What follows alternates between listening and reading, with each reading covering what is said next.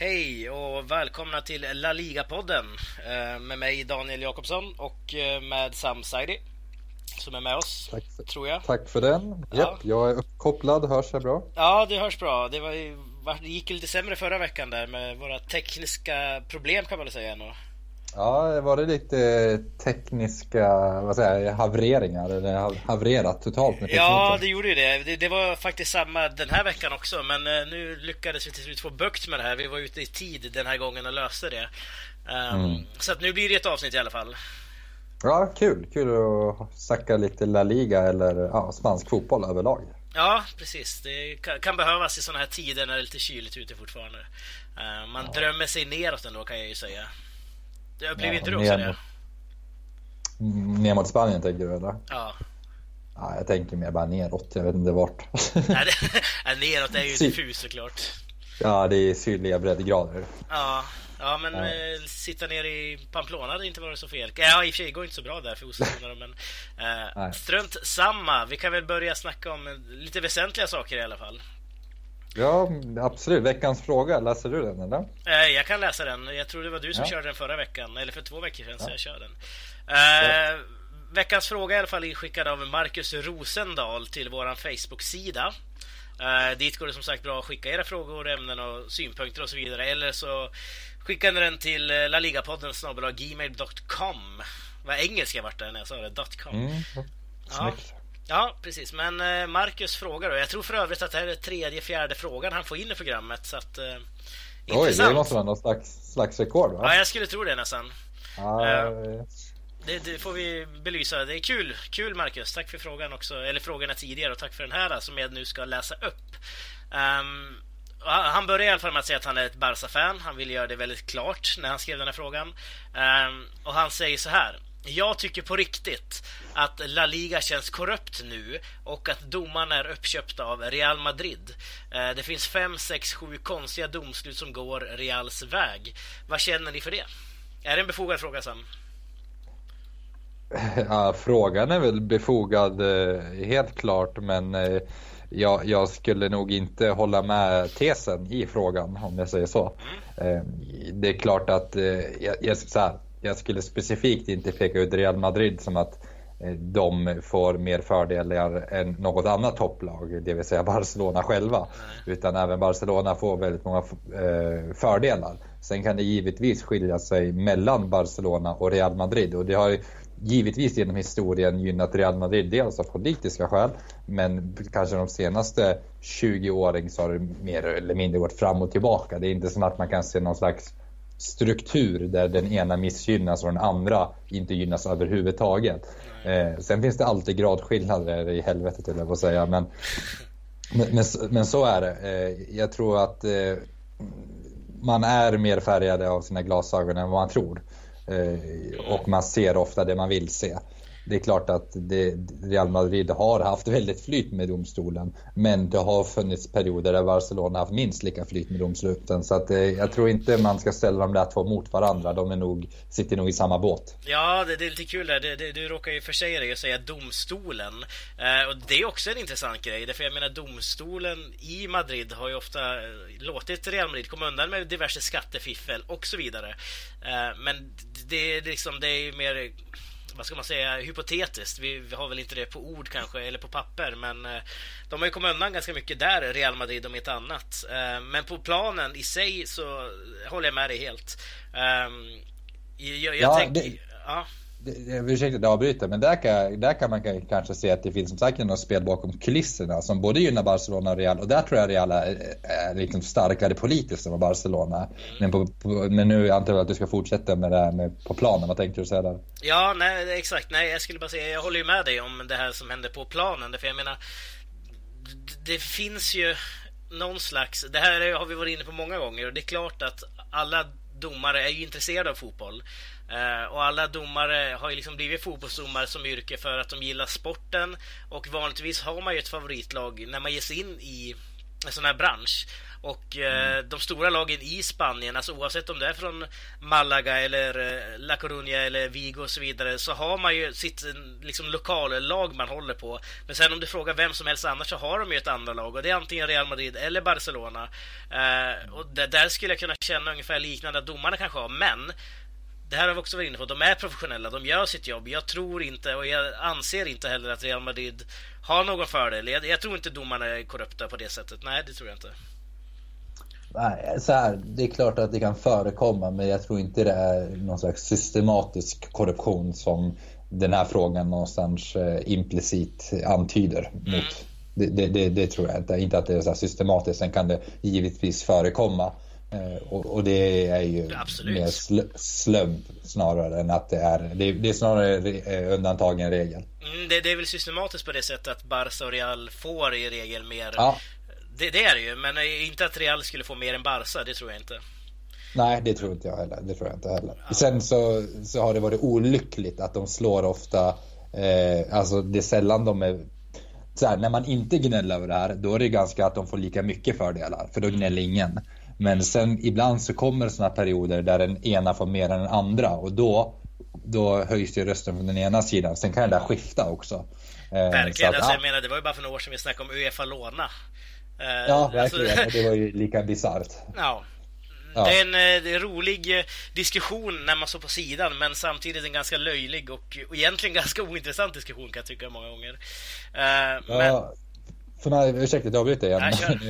Nej, jag tycker också att den är ju rolig i den mån att den, ja, men man kan skämta om det, man kan slänga in det i något seriöst resonemang men det blir farligt när man börjar tro på det också själv och när man använder det som seriösa argument, vilket det finns en tendens i de olika slags forumen, speciellt på den plattform vi själva tillhör, Svenska fans, så är det ju liksom eh, den ena efter den andra galna skribenten som konspirerar både åt det ena och andra hållet.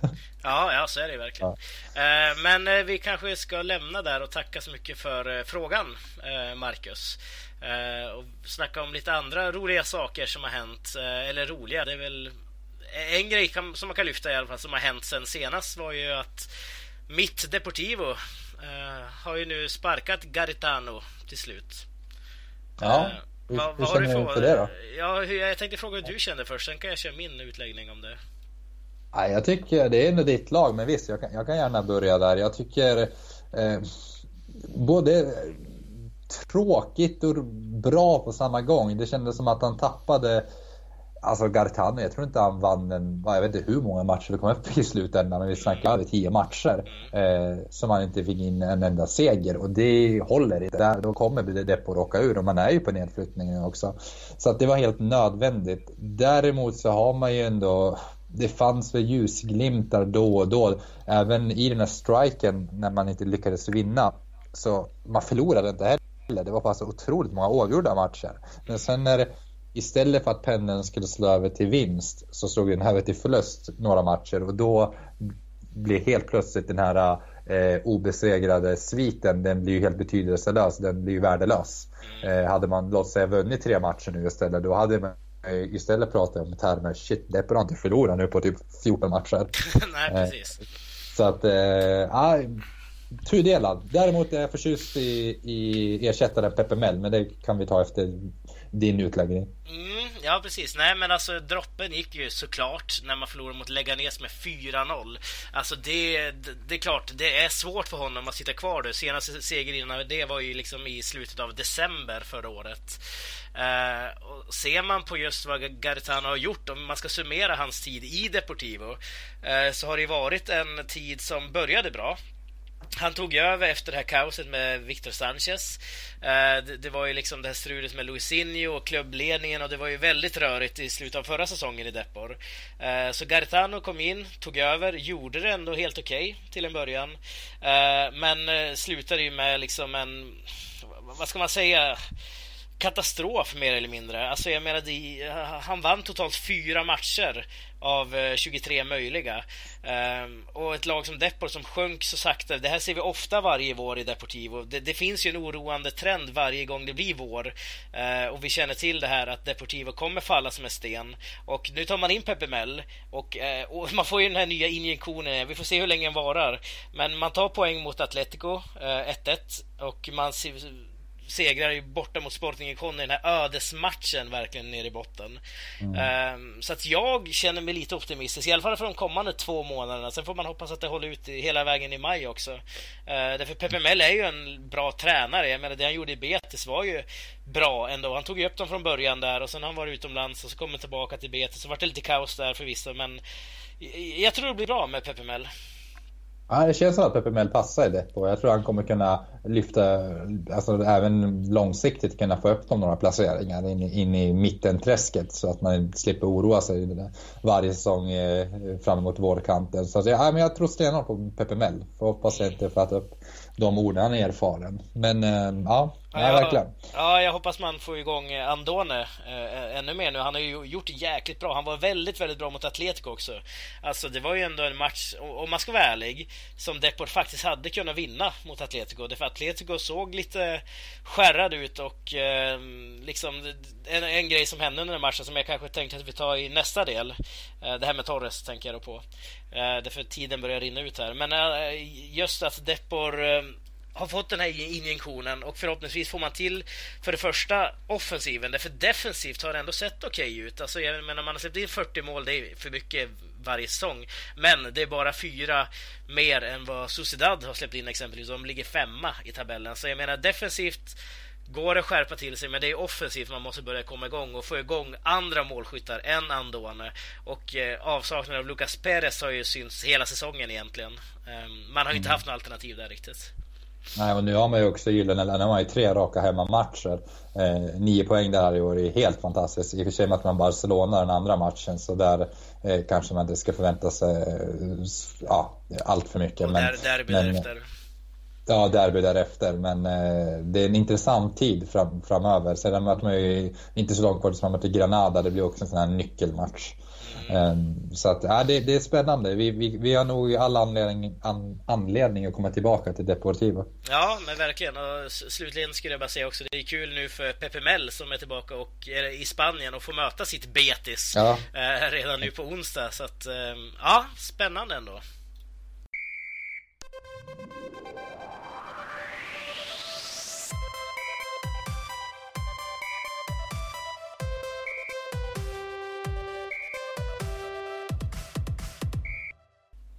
Innan vi lämnar Deportivo helt och hållet så borde vi kommentera som du var inne på det, det, som hände Torres för det var ju väldigt obehagligt när man satt och kollade på matchen live.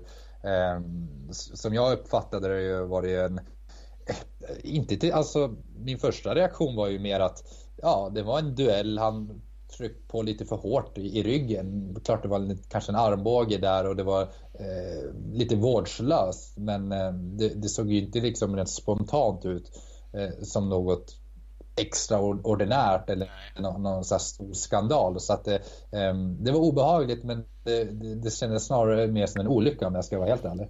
Ja, alltså det köper jag verkligen. För det, det är Alex Bergantino som satte in den här smällen på, i ryggen på Torres.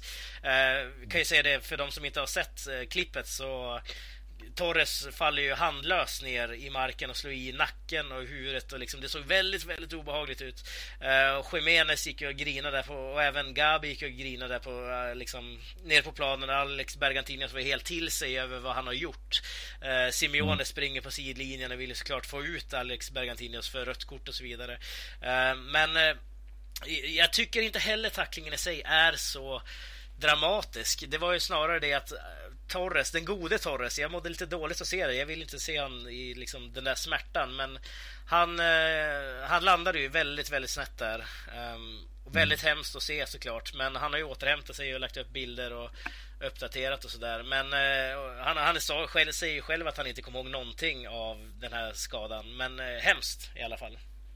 Ja, verkligen, verkligen. Men eh, skönt att det inte blev någonting. Men det var, man såg verkligen som du säger att han var ju tagen, Bergestinion, så att eh, han trodde han hade i stort sett dräpt Torres. Ja, ja men verkligen. eh, och det förstår man ju med tanke på reaktionerna och vad som hände och så. Det var ju, jag tror det var Jiménez var ju nästan i, ja, i värst tillstånd. Han kunde ju knappt tro sina ögon. Eh, och när man såg på Jiménez så trodde man ju nästan som att det var över. Ja, eh, det ja men verkligen. Puerta, Puerta vibbar. Så att, ja, det, var, det var obehagligt men skönt att det inte var någonting. Men samtidigt vill jag ändå lyfta, det finns en problematik som kanske hänger ihop lite med, med veckans fråga faktiskt. För att eh, mycket av den här frustrationen som jag märkt att Barcelona spelar eller Barcelona supportrar har eh, mot domarna och där man formulerar i termer som att eh, Real Madrid får fördelar brukar ofta också grunda sig att man upplever att spelarna i Barcelona framförallt inte skyddas av domarna. Och den frustrationen kan jag känna igen mig i. Och det gäller inte bara Barcelona-spelare utan många andra spelare också. Dels Cristiano Ronaldo för den delen. Eh, men också att man någonstans rättfärdiga eller legitimera vårdslösa tacklingar eh, och vårdslöst spel. Det här var på gränsen. Eh, men jag tycker att där har domarna mycket att jobba på. Det där måste straffas hårdare än vad det är. Oavsett om det finns en tränare som vill ligga på gränsen.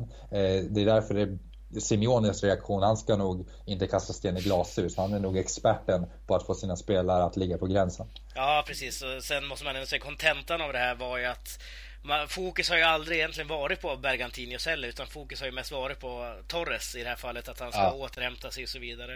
Uh, jag minns, alltså, jag satt ju under den här matchen, och, efter matchen och skrev till Alexander Ivanovski som uh, har varit med här några gånger. Han bor ju nere i Madrid och får ju live-uppdateringar därifrån. Uh, så han uppdaterar ju läget där, därför jag har varit ganska illa till mods faktiskt.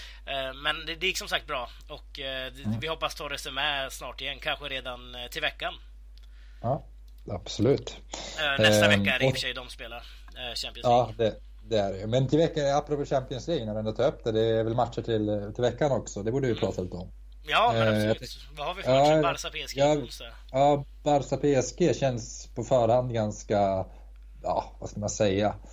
Det känns som att det, det är övermäktig uppgift. Jag kan inte se att Eh, Paris kommer klappa ihop och förlora med 4-0. Å andra sidan, vi pratar om Barcelona. Vi pratar om en trio och eh, ett lag som i sina allra bästa stunder är kanske världens bästa lag. Eh, men man har inte nått den högsta nivån. Nu gjorde man det kanske mot Celta den här senaste matchen spelade Barcelona riktigt bra men eh, Paris är en annan nöt att knäcka och ja, det ska mycket till att Barcelona vänder det här. Men eh, eh, visst, låt säga 2-0 i halvlek. Det skulle vara jätteintressant. Det, det skulle vara spännande. Alltså man behöver ju få in ett ledningsmål väldigt, väldigt tidigt i den här matchen. Men mm. det är som du är inne på, det är ju ändå ett formtoppat Barca som PSG möter på Camp Nou. Um, jag ser ju inte att det skulle vara omöjligt om PSG kan göra fyra mål på Barca. Det är ju en klyscha att säga i och för sig. Men då ska ju mm. Barca kunna göra fyra mål på PSG också kan jag tycka.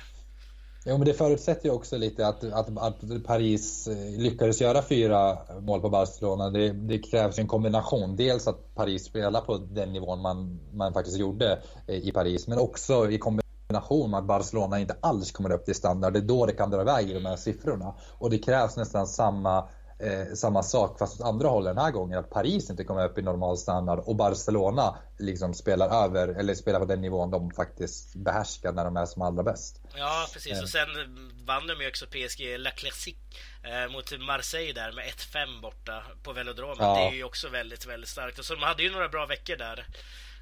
Ja, sen så tror jag också att eh, jag tror Paris, eh, det ska mycket till att Paris går mållösa om Barcelona kommer trycka på så mycket som de gör. De har väldigt kontringsstarka spelare och eh, i sanningens namn så Celta Vigo borde också ha gjort ett eller två mål med de lägen de hade nu i helgen. Så, nej, det, det, det känns tyvärr kört. Men, eh, men så är det ibland. Ja, men jag tänkte säga bortsett från lägga matchen där efter PSG. Den vann man ju förvisso. Eh, men man var ju inte bra där bara. Men förutom den matchen så har de ju radat upp tre väldigt starka insatser ändå, måste jag ju säga. Mm. Eh, så det... det verkar, man, man verkar ändå hitta rätt någonstans.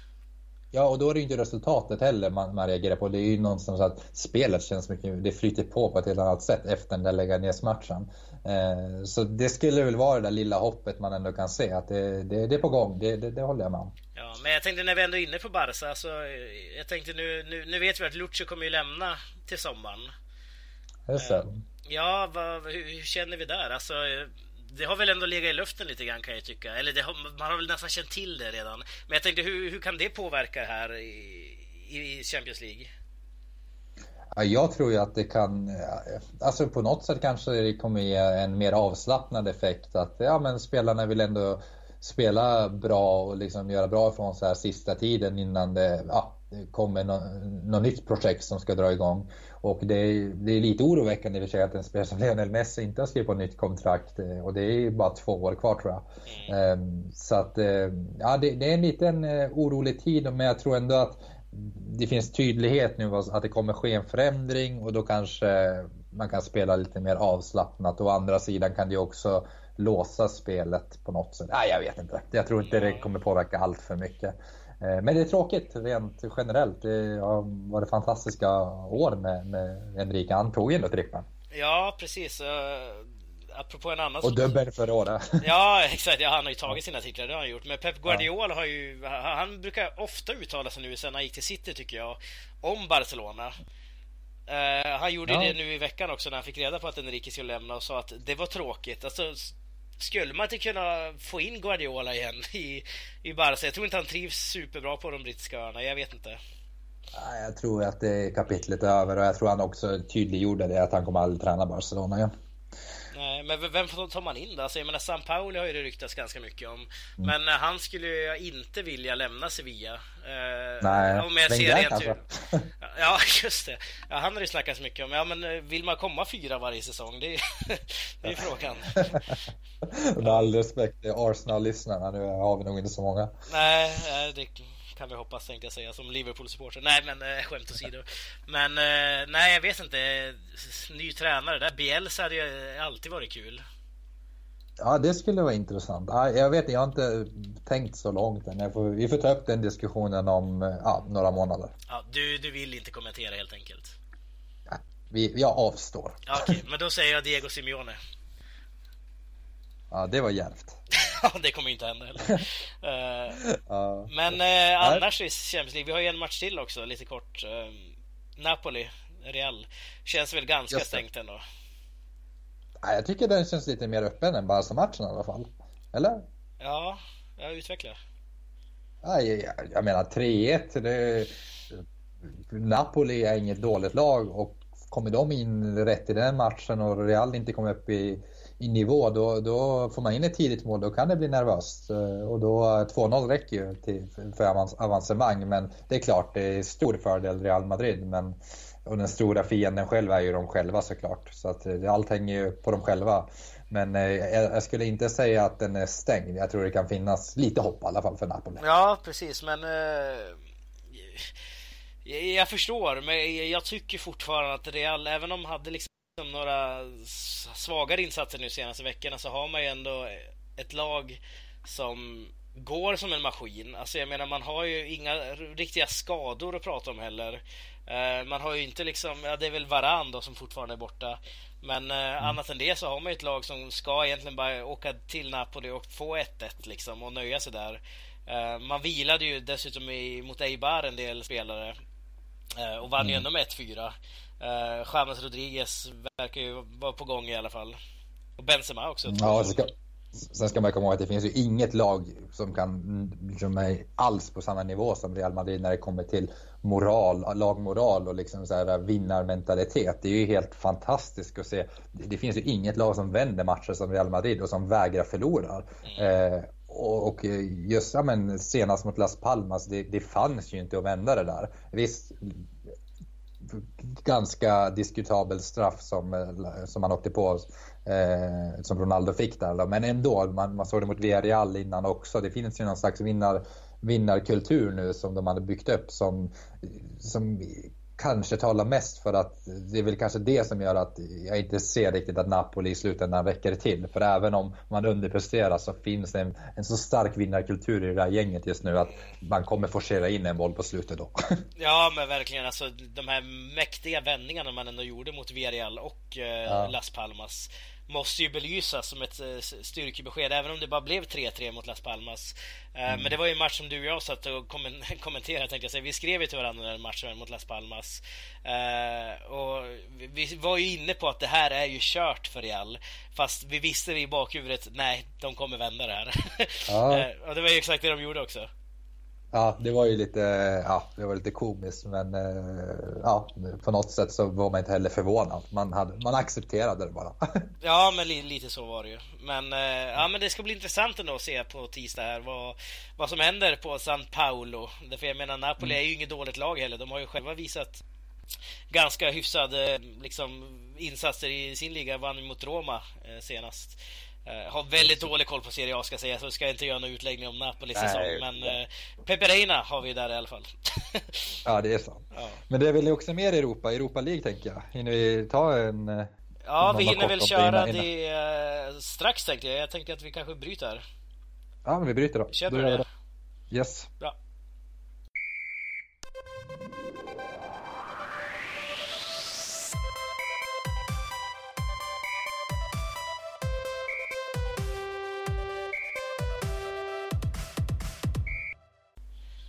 Ja, Europa League sa du. Det kan vi väl eh, snacka lite grann om det vi avslutade förra eh, delen. Eh, det är ju inte så mycket som händer spansk väg i Europa League. Men det här kanske är den sämsta säsongen på otroligt länge för spansk fotboll i Europa League. Mm. Sevilla finns ju inte med där tyvärr. Nej, både gott och ont. gott ont. Ja, de har ju en ödesmatch nästa vecka som vi snackade om då mot Leicester i Champions League istället. Ett nytaggat Leicester får man ju säga. Eh, men eh, strunt samma, det är ju Europa League nu. Eh, men Apoel slog ju ut Atletic, vilket jag kan tycka är lite pinsamt ändå för Atletic. Jag menar, det är ju ändå ett lag man ska kunna slå. Bara rent på papper, jag har inte någon större koll på Apoel. Nej, nej men det, det håller jag med om. Det var lite, jag måste säga, det var ju lite, nej, inte chockerande, men det, det, det är en skräll. Det måste man väl säga, en skräll, eller? Det är det såklart. Alltså, jag menar 3-2 hemma eh, är ju svagt bara det egentligen. Där ska man kunna städa av i alla fall en 3-0-seger. Sen så åker man ju till eh, Cypern och förlorar med 2-0 i en match där man faktiskt, man, man saknade ju ändå några spelare. Adoris var ju borta, han var ju skadad. Eh, och man får ju inte samma tryck tycker jag heller i Athletic när Inyaki Williams kör som ensam anfallare. Eh, Raúl Garcia, de växlar väl lite grann där. Eh, men Inyaki Williams, han har ju speeden och han har ju liksom tekniken för det. Men jag kan inte se honom som ensam anfallare i Athletic. Så där måste man nästan hitta en... Eh, till, till framtiden tänker jag. En eh, en spelare som kan hoppa in och göra det där jobbet, Tokiero. Alltså, alltså Tokiero, han, han, var ju alltid second striker bakom Jurente. Ja, jag tänker man vet ju vad man får i alla fall. Alltså man får ju en hundraprocentig arbetsinsats om man har Gaiska Tokiero i truppen i alla fall. Det är väl den bästa truppspelaren ett, ett lag kan ha. Så att, absolut. Tillsammans med Adrian Lopez. Alltså, Adrian Lopez, ja, men absolut. Har man, alltså Adrian Lopez och, det ska bli intressant att se dem där. Jag tror de skulle kombinera, alltså de skulle komplettera varandra ganska bra rent spelmässigt också. Adrian Tokero. Lopez och Tokiero? Ja. Jag tänker Adrian Lopez längst fram och sen Tokiero släpande. ja, det hade varit snyggt faktiskt. uh, men uh, annars så, Villarreal gick ju också på en pinsam nit hemma mot Roma. Nu är ju förvisso Roma ett bra lag, uh, men 0-4 hemma, alltså det är ju inte vad vi känner igen av de spanska lagen i Europa. Nej, verkligen inte. Och det är ju tråkigt. Det var ju var det något lag jag ändå kunde se skulle kunna utmana om den där Europa League-titeln när inte Sevilla nu finns med så var det vid Villarreal. Nu står ju Celta Vigo där helt ensamma eh, som jag har väldigt svårt att se kunna gå hela vägen i slutändan. Eh, så att, nej, det, var, det var surt verkligen. Eh, Roma är bra men inte så bra. Nej, precis. Men just Celta gjorde ju frak alltså fruktansvärt imponerande, måste jag säga, eh, mot Shakhtar. Alltså, man, man följer första matchen på Balaidos med 0-1. Uh, åker då till Ukraina mot ett liksom erkänt bra hemmalag Shakhtar som liksom springer hem den ukrainska ligan, leder där med 13 poäng. Um, får ju den här straffen då i 91 minuten uh, som Iago Aspas slår in och sen vinner man då på förlängning. Uh, mm. Lite tur kan man säga kanske, men ändå starkt att göra det här. Eh, Guidetti får 120 minuter i benen och Berizzo visar ju någonstans att han fortfarande är en duktig tränare. Han har ju ändå varit lite ifrågasatt den här säsongen med tanke på hur det går i ligan och sådär. Eh, mm. Så det där behövde ju verkligen att eh, Celta. Och där någonstans tänkte man, okej, okay, nu är de tillbaka på vinnande spåret. Nu kommer de liksom fortsätta med det här. Och så blir det magplask i ligan med kryss mot Gijon och Espanyol och storflös mot Barca. Det är svårt lag mm. just nu tycker jag ändå. Ja, och det får man väl ändå också se som något positivt att eh, då behöver man inte man vet att det kan komma vad som helst till Europa League. Helt plötsligt så har man Shakhtar fast man har en taskig ligaform. Men man kan också vända på det att den här äh, nedgående ligaformen och de här svaga insatserna som man står i, på hemmaplan, det, eller ja, i, i, Spanien, då, det, det, är väldigt oroväckande. Och, och jag tror nog det, det, är väl det som gör att man i slutändan inte kommer, man kommer inte kunna fightas på två fronter. Det är väl egentligen det vi ser. Mm. Eh, det är väl det som är konsekvensen av att det blir så här.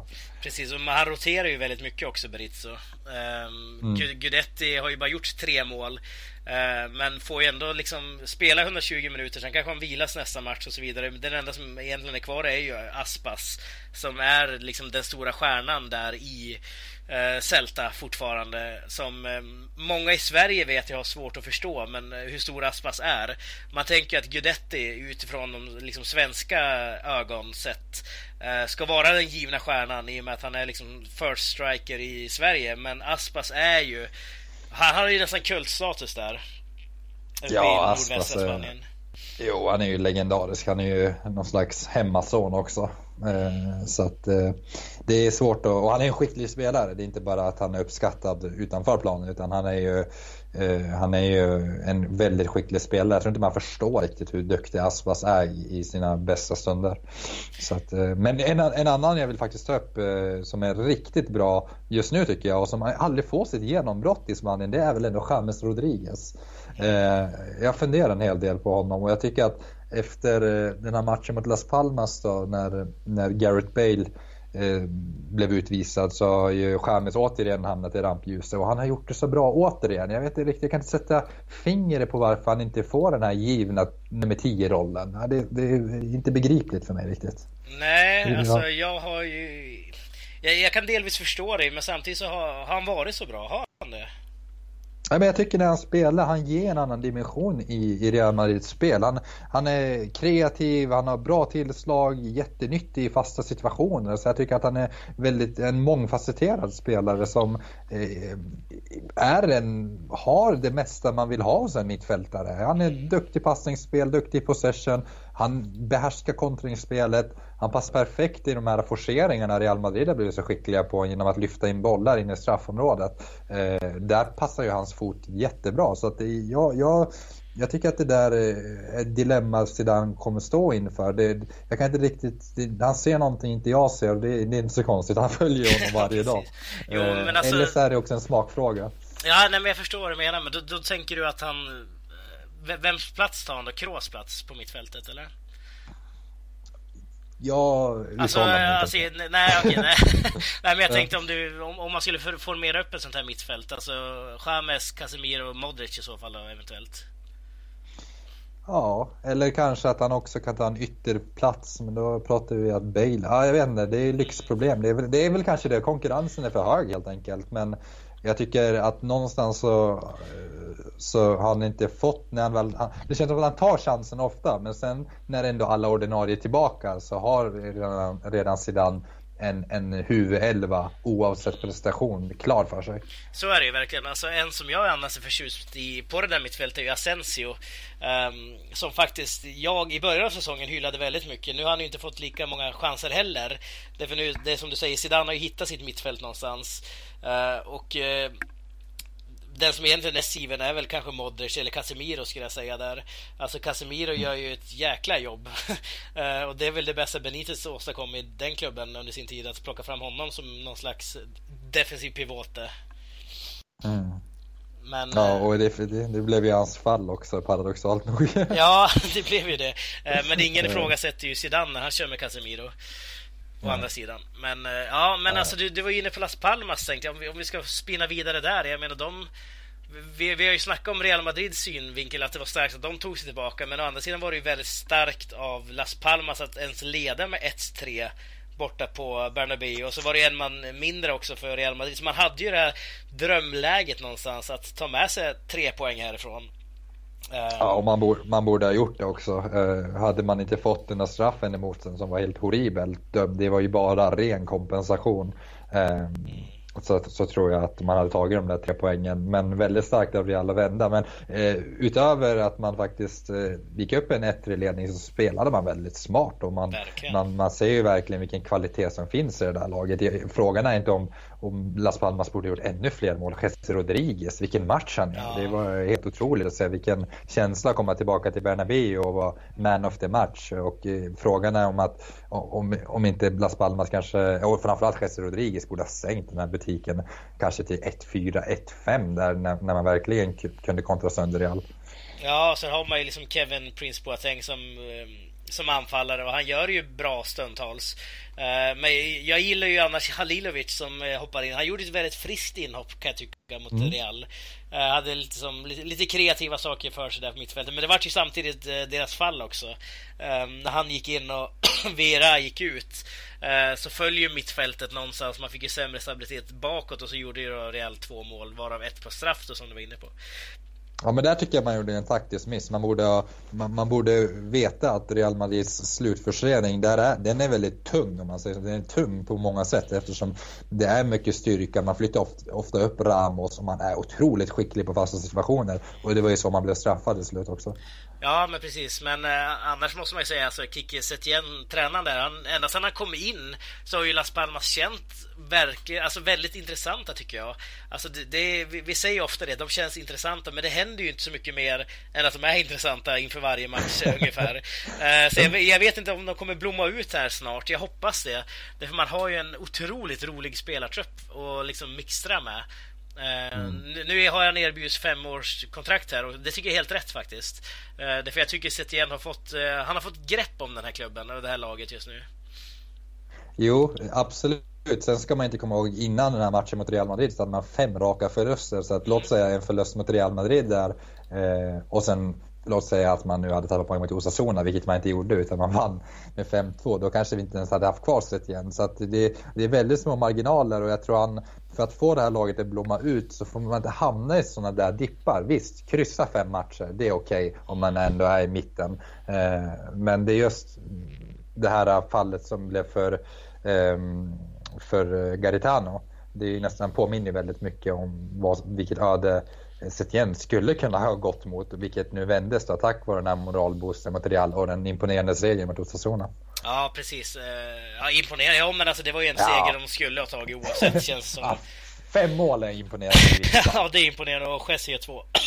Ja. Um, men eh, annars är ju Osasuna ett lag i fritt fall mer eller mindre, så att eh, det, den klubben den lever ju inte kvar länge i La Liga just nu kan vi säga. Eh, men det, Nej, det får vi ord om lite längre fram kanske. Ja, vi får ta upp det nästa Summera deras säsong. Ja. Verkligen, verkligen. Men eh, nu ser jag här att tiden börjar rinna iväg för oss, Sam. Mm. Ska vi köra en liten tippning kanske? Ja, vi gör det. Tippning och lista kvar. Ja, precis. Eh, jag har ju resultaten från förra veckan, eller förra, förra var det ju, vi hade ju strul förra veckan. Eh, mm. Men vi, vi tippade ju Villarreal Real Madrid då, som vi kände på förhand skulle vara väldigt intressant. Och det var ju en väldigt intressant match också. Mm, um, som Real Madrid till slut lyckades uh, vinna efter väldigt många om, men ännu fler män kanske. Uh, efter 2-0 till 2-3 då. Men uh, kommer du ihåg vad du tippade då? Jag trodde väl på kryss va? Ja, vi båda trodde på kryss där faktiskt. Mm. Jag gissade ju 1-1 och du gissade 2-2. Eh, så att mm, vi, vi, vi kammar ju inte hem någonting där. Aj, vad nära jag var.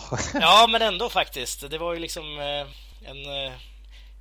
Vad, vad säger man? Det, det, var på håret, som man brukar säga. Ja, verkligen. Vad har vi för matcher nu då? Uh, här väldigt intressant Baskien-derby jag tycker vi kan tippa. Mm. Eller är det nu till helgen eller tänker jag fel? Det är väl nu till helgen? ja, det är nu till helgen på söndag. Mm. Uh, det här är ökända vad heter det, lunchmatchen klockan 12. Som jag faktiskt gillar. Jag gillar den matchen ändå. Då kan man vakna upp och kolla på den. Jag sover länge ska jag säga. uh, ja. Men ja, med Sociedad Athletic. Uh, mm, det snälla derbyt. Det snälla, ja, the friendly derby. Ungefär som mm. man hade beskrivit det i England. Men vad, vad säger du? Eh, Sociedad är grymma. De kommer ta tre poäng där. De tar 2-0. 2-0? Ja, 2-1. Ja, de har ju haft problem tidigare i de här derbyna. Man tog ju bort det där spöket nu i höstas tror jag. Eh, när man mm. liksom lyckades, om, om, man tog poäng eller vann, jag kommer inte ihåg riktigt. Mm. Eh, men eh, jo, men jag är väl inne på något liknande där. Att eh, Real Sociedad, La Real som har varit fruktansvärt bra. Ehm, ja, de när och aspirerar om Champions League-platsen. Ja, precis. De jagar ju Atleti, Atletico där uppe. Så att jag tror också på Real. Du sa 2-1, men då säger jag 3-1. Atletic mm. har ju problem nu när Adoris är borta. Eh, så jag, jag tror också på Sociedad. 3-1 seger där. Fine, perfekt. Mm. Vad har vi mer?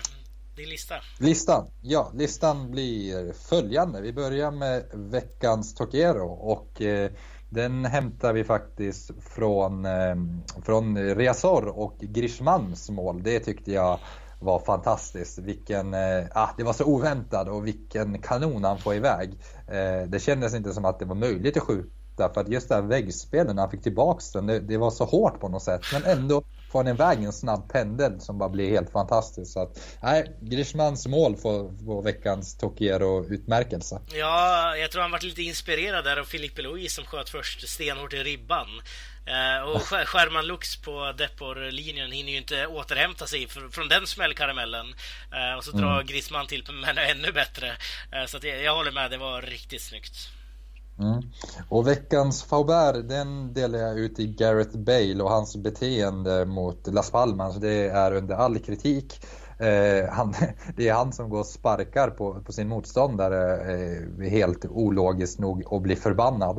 Eh, när han säger varför sparkar du på mig två, tre gånger? Och sen hans reaktion blir att han bara puttar bort honom. Det är, alltså, jag förstår inte Visst, det fanns en frustration för att spelet stämde, men det där är oacceptabelt beteende och eh, nej, Garrett Bale skämmes. Ja, och han satt ju verkligen eh, Real i en dålig sits där när han fick sitt röda kort.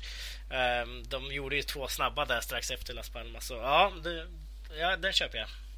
Ja, borde bli bänkad. ja, han har väl inte haft sin bästa säsong heller kan vi ju säga. Nej. Det blir bra. Ja, men där har vi veckolistan så att eh, den låter väl rimlig tycker jag ändå. Eller vad? Jag, jag köper den eh, absolut. Ja. Jag har faktiskt ingen. Eh, vad, vad, var det jag införde förra gången? Eh, Tokbert. Nej, jag har ingen Tokbert. Eller Tokbär säger man såklart. Tokbär. Ja, en blandning av Tokiero och Faber. Nej, det har jag inte. Nej, men jag, jag köper den. Så vi får väl runda av här nu. Du ska ju springa iväg på fotbollsträning själv du. Ja, tyvärr. Jag är helt slut, men det är dags att röra på sig. Ja, precis. Kanske blir vi inspirerade ja. av allt snack här i podden. Ja. Jag ska testa en, ett Grishman-skott tror jag. ja, gör det. Uh, ja. Jag, jag fortsätter med mina Philippe Louis-skott, ribba ut. Um, ja. ja. Nej, men uh, tack så mycket för alla som har lyssnat, till er som har lyssnat också. Uh, som sagt, skicka in era frågor till uh, La Liga-podden gmail... Vad sa jag nu? La Liga-podden... Vad, vad blir det? Punkt... Nej. Ja snabbelag gmail.com. Ja, tack. Ja, jag fick en här, mental, vad heter det, hjärnsläpp.